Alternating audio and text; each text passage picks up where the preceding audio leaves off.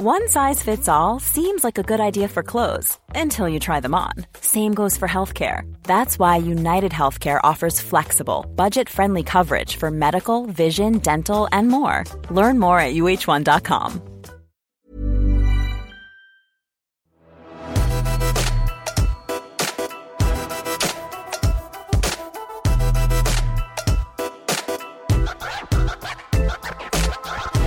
Som mange av dere sikkert har fått med dere nå, så har Amazons sjef Jeff Bezos bestemt seg for å trappe ned, gå ut av selskapet som daglig leder og tre da inn i styret. Og det gjør han da sånn forholdsvis nøyaktig 26 år etter at han da etablerte selskapet.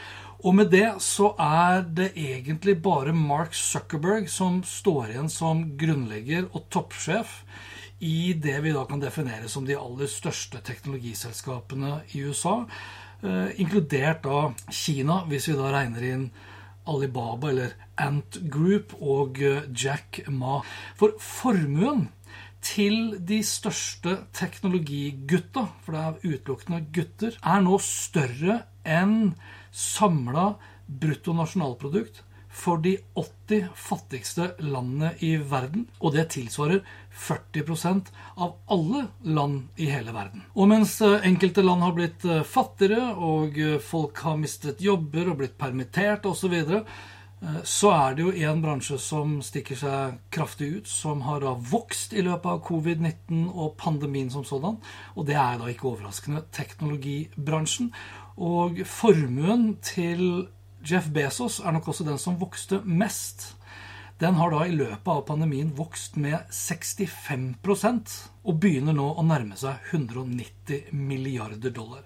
Men tar vi da formuen til Jeff Bezos, Bill Gates, Larry Ellison fra Oracle, Larry Page fra Google, eller Alphabet, og Mark Zuckerberg fra Facebook, så har de altså nå en samlet formue på 567 milliarder dollar.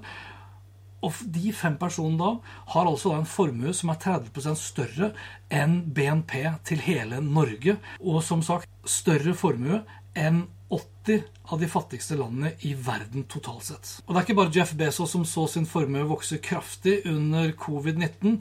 Bare se bort på notatene mine her. Altså Microsoft sin grunnlegger Bill Gates, som da for ordens skyld ikke jobber med å installere 5G-chipper gjennom covid-19-vaksine i kroppene våre, bare så at vi er klar over det. Han er nummer to på listen med da en formue på 120 milliarder dollar. Mark Zuckerberg eh, hakket etter på ca. 94 milliarder dollar. Oracles Larry Ellison-formue ligger på 85 milliarder, mens Googles Larry Page er på rett over 80. Den formuen og den konsoliderte makten som sitter nå på ytterst få personer, det er på mange måter et symptom på de utfordringene som fremtiden til Internett egentlig står overfor. For stadig mer makt sitter på stadig færre aktører eller personer. Og det er nok også derfor de aller fleste av de personene og selskapene jeg nevnte nå, de er jo inne i eller har vært gjennom diverse antitrust-saker, nettopp fordi selskapet begynner å ligne på et monopol.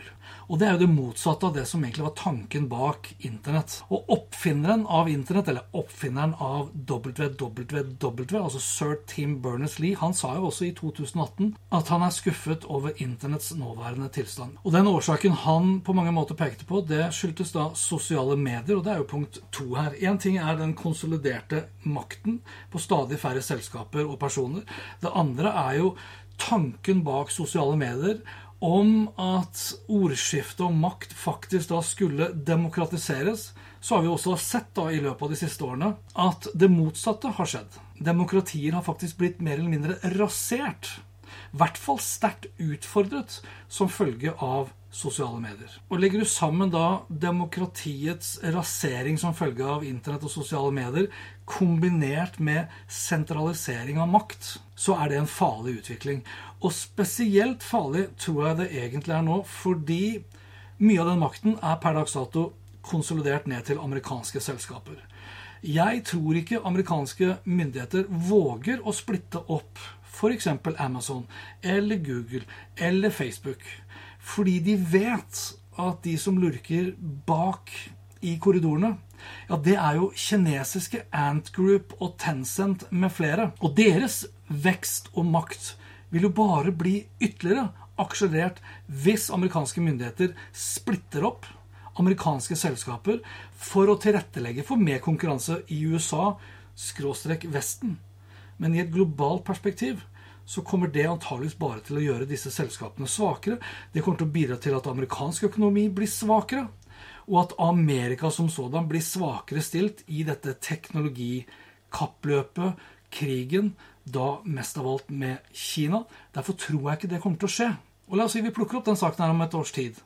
Hvor mye større formue vil de fem største tech-hodene i Amerika da ha enn Norges bruttonasjonalprodukt? Og vil vi begynne å nærme oss at formuen som sådan bikker over halvparten av alle verdens land hva gjelder deres bruttonasjonale produkt? Kan vi tillate det? Er det en riktig vei for verden og samfunnet å gå i? Vi snakkes.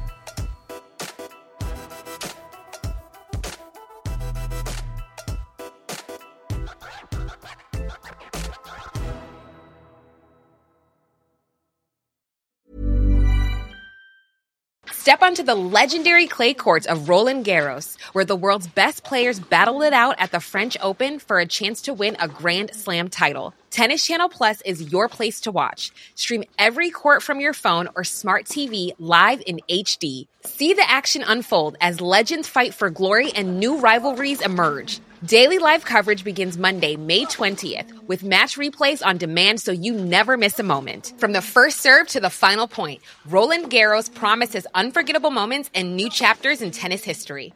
Stream now with Tennis Channel Plus to be there when it happens. My business used to be weighed down by the complexities of in person payments. Then, Tap to Pay on iPhone and Stripe came along and changed everything. With Tap to Pay on iPhone and Stripe, I streamline my payment process effortlessly. Now I can accept in person, contactless payments right from my iPhone. No extra hardware required. What's truly remarkable is how I can cater to all of my customers' payment preferences. Whether they're using cards, Apple Pay, or other digital wallets, Tap to Pay on iPhone and Stripe ensure a smooth checkout experience every time. And it's not just me. Stripe helps businesses of all sizes, from local markets to global retailers, scale quickly and stay agile. To learn how Tap to Pay on iPhone and Stripe can help grow your revenue and reach, visit stripe.com slash tap iPhone.